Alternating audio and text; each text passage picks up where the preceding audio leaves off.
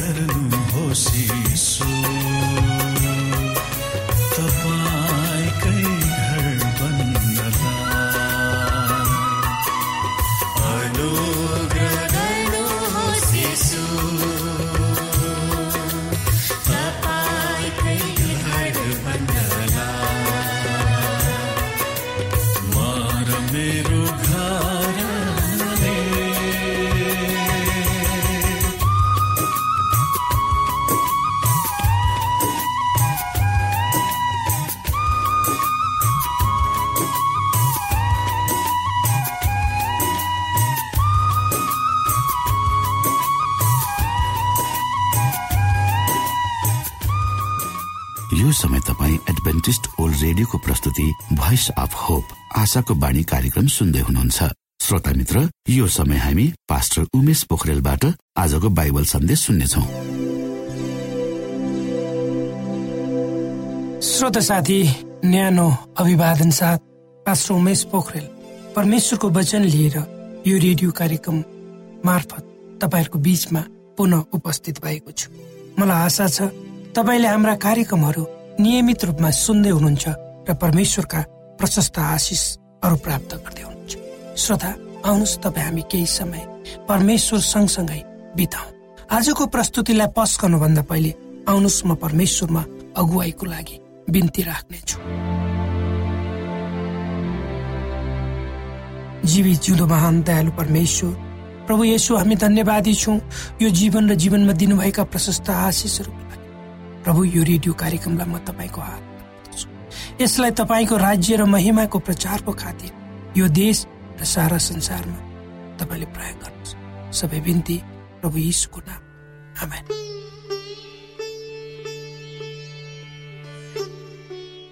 श्रोत साथी यदि तपाईँ हामीले प्रत्येक दिन केही समय परमेश्वरको आवाज सुन्न बितायौँ भने उहाँले भन्नुहुनेछ हामीले के गर्नुपर्छ? तब तपाईँ हामीले आनन्द प्राप्त गर्नेछ। तब उहाँको इच्छा अनुसार प्रत्येक दिन तपाईँ हामी चल्नेछौँ र आवश्यकतामा परेका मानिसहरूसम्म हामी पुग्न सक्नेछौँ। ती मानिसहरू जो हराएका छन् तिनीहरूसँग आफ्नो विश्वास बाँड्न सक्नेछौँ। त्यति बेला परमेश्वरले तपाईँसँग भएर तपाईँलाई अगुवाई गर्नुहुनेछ मलाई अगुवाई गर्नुहुन्छ। उहाँले तपाईँ र मलाई के बोल्नु पर्छ भने वचन हामीलाई दिनु वा हाम्रो मुखबाट हामीले के बोल्नु पर्छ त्यो शब्दहरू दिनुहुनेछ। आत्माद्वारा उहाँलाई हामीमा बास गर्नुहुन्छ। तब तपाईँको जीवन र गवाईद्वारा ती हराएकाहरूले पापबाट फर्कने अवसर पाउनेछ।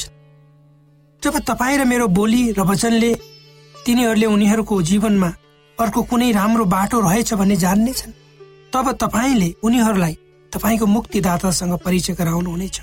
ताकि बाँकी जीवन उनीहरूले उहाँसँग बाँड्न सक्नेछन्। तपाईँले ती हराएका मानिसहरू जो पापको दलदले हिलोमा गाडिएका छन् सँग भन्नुहुनेछ। एकपल्ट तपाईँ पनि उनीहरूकै बाटो हिँड्नु भएको थियो तर तपाईँ परमप्रभुमा क्षमा माग्दै आउनुभयो। र उहाँले तपाईँलाई क्षमा दिनुभयो र तपाईँ पापपूर्ण जीवनको बाटोबाट स्वतन्त्र हुनुभयो। तपाईँले भन्नुहोस् ती मानिसहरू जो हराएका छन् जो सांसारिक बन्धनहरूद्वारा झेलिएका परमेश्वरले तपाईँलाई जसरी क्षमा गर्नु त्यसरी नै उहाँले तिनीहरूलाई पनि क्षमा दिनुहुनेछ र उहाँको अनुग्रहद्वारा जसरी तपाईँ बचाइनु भयो त्यसै गरी उनीहरू पनि बचाइनेछ। हराएका आत्माले विजय प्राप्त गर्नेछ। तपाईँ र मलाई थाहा छैन को बचाइनेछ भनेर। यदि तपाईँले केही समय लिएर परमेश्वरको विषयमा अरूहरूलाई बाँड्नुभयो भने तिनीहरू पनि तपाईँ जस्तै बचाइनेछन्। र उहाँको हेरचाहमा बाँकी जीवन बिताउनेछ श्रोत साथी परमेश्वरले भन्नुभएको छ यदि तपाईँले कहिले पनि दुःखको अनुभव गर्नु भएन भने तब तपाईँलाई कसरी थाहा हुन्छ म निको पार्ने वाला हुँ भनेर यदि तपाईँ ले कहिले पनि श्रोत साथी परमेश्वरले भन्नुहुन्छ यदि तपाईँले कहिले पनि दुःखको अनुभव गर्नुभएको छैन भने तपाईँलाई कसरी थाहा हुन्छ? कि निको पार्नेवाला परमेश्वर हुनुहुन्छ।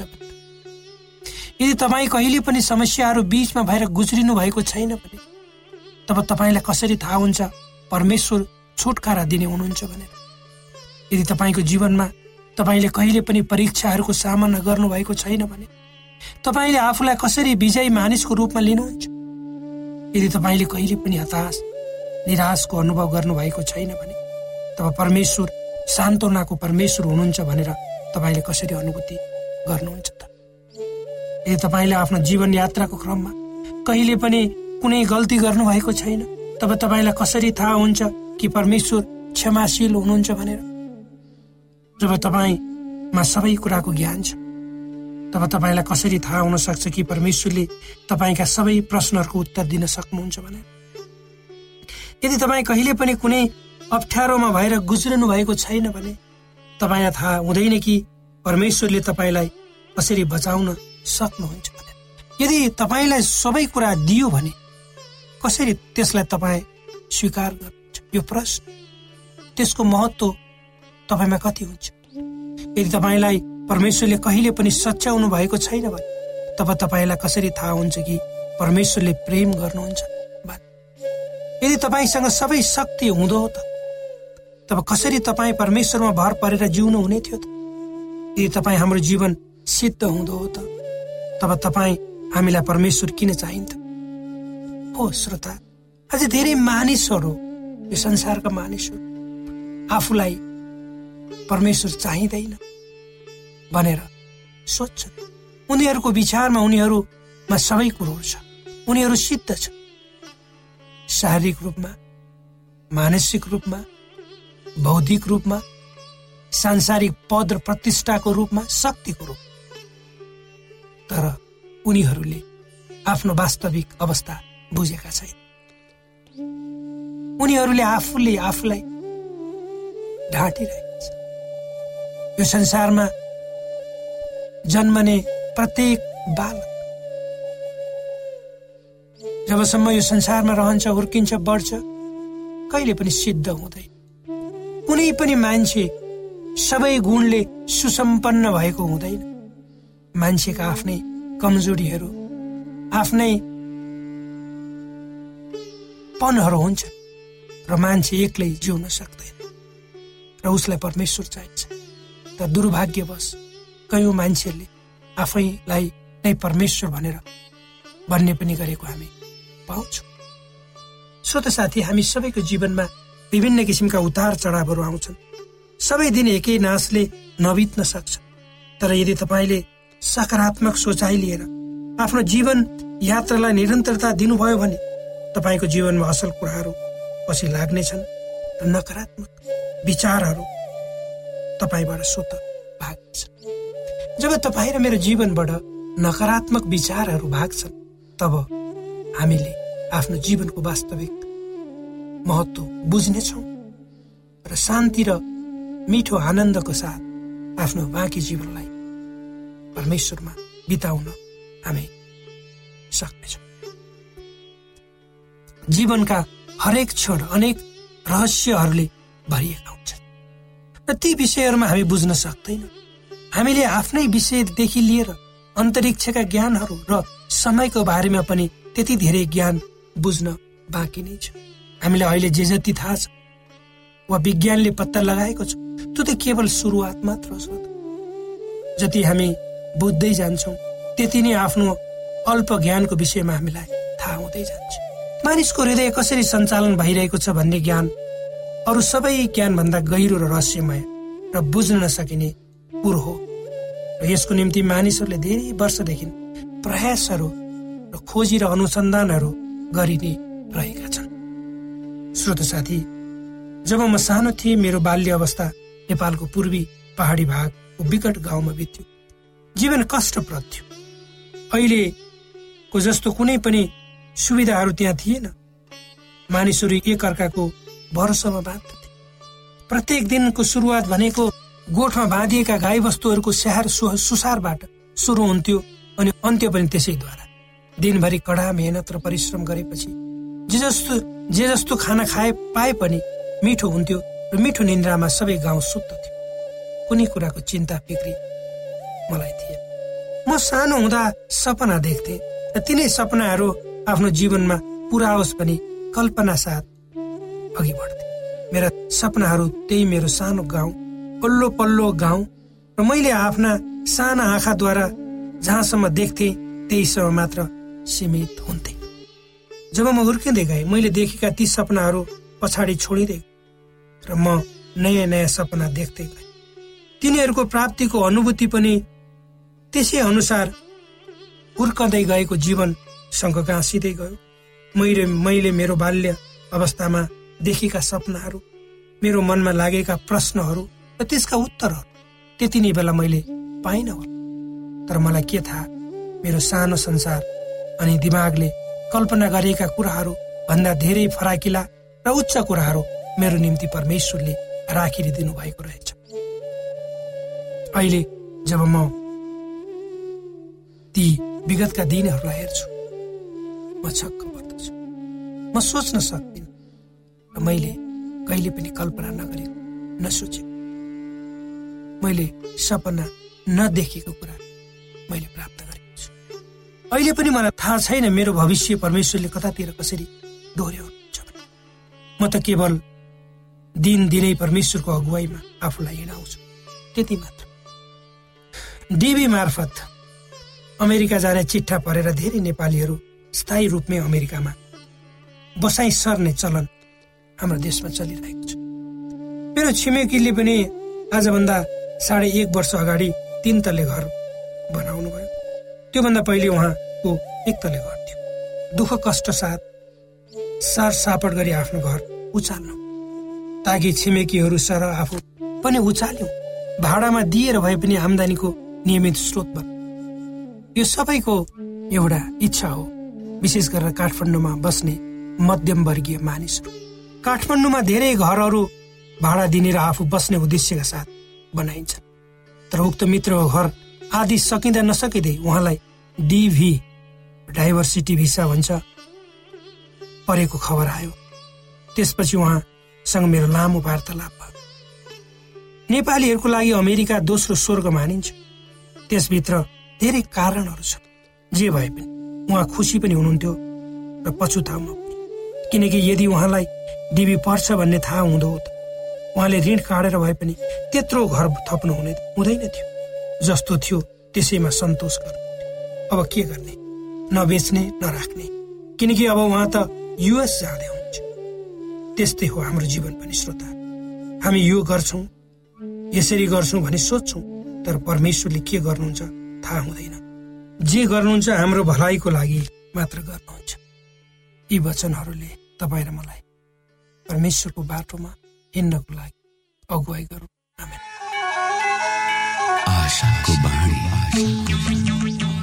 श्रोता भर्खरै यहाँले पास्टर उमेश पोखरेलबाट बाइबल वचन सुन्नुभयो। यो समय तपाईँ एडभेन्टिस्ट ओल्ड रेडियोको प्रस्तुति भोइस अफ होप आशाको बाणी कार्यक्रम सुन्दै हुनुहुन्छ। कार्यक्रम सुनेर बस्नुहुने सबै श्रोतालाई हामी हाम्रो कार्यक्रममा स्वागत गर्न चाहन्छौ। श्रोता मित्र यदि तपाईँ जीवनदेखि हरेस खानु भएको छ तपाईँका जीवनमा धेरै अनुत्तरित प्रश्नहरू छन् भने आउनुहोस् हामी तपाईँलाई परमेश्वरको ज्योतिमा डोहोऱ्याउन चाहन्छौ। र तपाईँ आफ्नो जीवनका चिन्ता फिक्रीबाट निश्चिन्त हुनुहोस् र बाँच्नुको आनन्द परमेश्वरको सामिप्यमा कति मिठो हुन्छ त्यो चाख्नुहोस् भनी हामी चाहन्छौँ। श्रोता यदि तपाईँ आशाको बाणी कार्यक्रमलाई अनलाइन सुन्न चाहनुहुन्छ वा डाउनलोड गर्न चाहनुहुन्छ भने डब्लु डट एडब्लुआर डट ओआरजीमा जानुहोस्। त्यहाँ तपाईँले प्रत्येक दिनको कार्यक्रम सुन्न र डाउनलोड गर्न सक्नुहुनेछ। हाम्रो वेब पेज यस प्रकार छ W W W dot AWR dot ORG श्रोता यदि तपाईँ हामीसित सिधै फोनमा सम्पर्क गर्न चाहनुहुन्छ भने हाम्रा नम्बरहरू यस प्रकार छन्। अन्ठानब्बे एकसाठी पचपन्न शून्य एक सय बिस। अन्ठानब्बे एकसाठी पचपन्न शून्य एक सय बिस। र अर्को अन्ठानब्बे अठार त्रिपन्न पन्चानब्बे पचपन्न। अन्ठानब्बे अठार त्रिपन्न पन्चानब्बे पचपन्न। कोभिड नाइन्टिनका सम्पूर्ण खोप वा भ्याक्सिनको सफल परीक्षण गरिएको छ। यी भ्याक्सिन लिनाले हामी गम्भीर बिरामी हुनबाट जोगिन सक्छौ। त्यसैले तपाईँ पनि यो खोप लिनुहोस्। यदि तपाईँलाई पहिले नै कोभिड पोजिटिभ देखिसकिएको छ भने तपाईँ यो खोप चाँडै नै लिनुहोस्। यसो गर्नाले हामी र हाम्रो समुदायमा रोग प्रतिरोधक शक्ति चाँडै नै आउनेछ र हामी सबैजना पहिले जस्तै सामान्य जीवनमा फर्कन सक्दछौ। युनेस्को डब्लुएचओ र रेडियो कार्यक्रम आशाको बाणीबाट जनहितमा जारी सन्देश।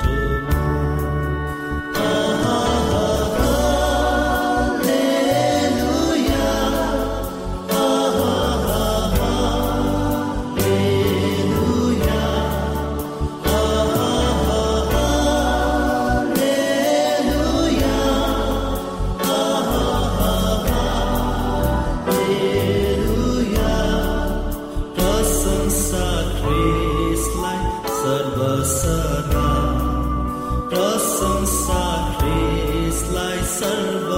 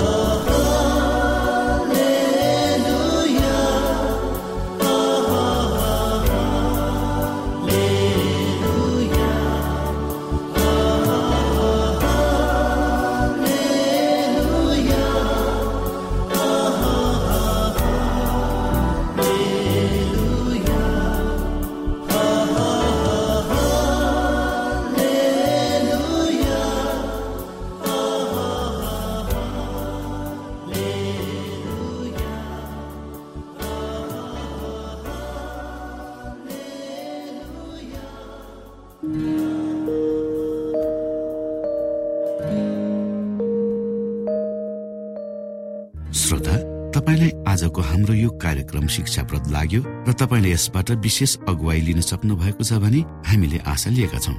हामीसँग पत्राचार गर्ने हाम्रो ठेगाना यस प्रकार छ। आशाको बाणी पोस्ट बक्स नम्बर दुई शून्य शून्य शून्य दुई काठमाडौँ नेपाल। श्रोता यदि तपाईँ हाम्रो स्टुडियोको नम्बरमा सम्पर्क गर्न चाहनुहुन्छ भने हाम्रा नम्बरहरू यस प्रकार छन्। अन्ठानब्बे एकसाठी पचपन्न शून्य एक सय बिस अन्ठानब्बे एकसाठी पचपन्न शून्य एक सय बिस र अर्को अन्ठानब्बे अठार त्रिपन्न पन्चानब्बे पचपन्न. अन्ठानब्बे अठार त्रिपन्न पन्चानब्बे पचपन्न. श्रोता तपाईँ हामीलाई इमेल पनि गर्न सक्नुहुन्छ। हाम्रो इमेल एड्रेस यस प्रकार छ Nepal at AWR dot ORG Nepal at AWR dot ORG यदि तपाईँ हामीलाई अनलाइन सुन्न चाहनुहुन्छ वा डाउनलोड गर्न चाहनुहुन्छ भने तपाईँ W W W dot AWR dot ओआरजीमा जानुहोस् र त्यहाँ तपाईँले हाम्रो सबै कार्यक्रमहरू सुन्न सक्नुहुनेछ। हवस् त श्रोता भोलि फेरि यही स्टेशन र यही समयमा यहाँसँग भेट्ने आशा राख्दै प्राविधिक साथी राजेश आडा पास्टर उमेश पोखरेल र कार्यक्रम प्रस्तुता म रवि यहाँसँग विदा माग्दछौ। नमस्कार।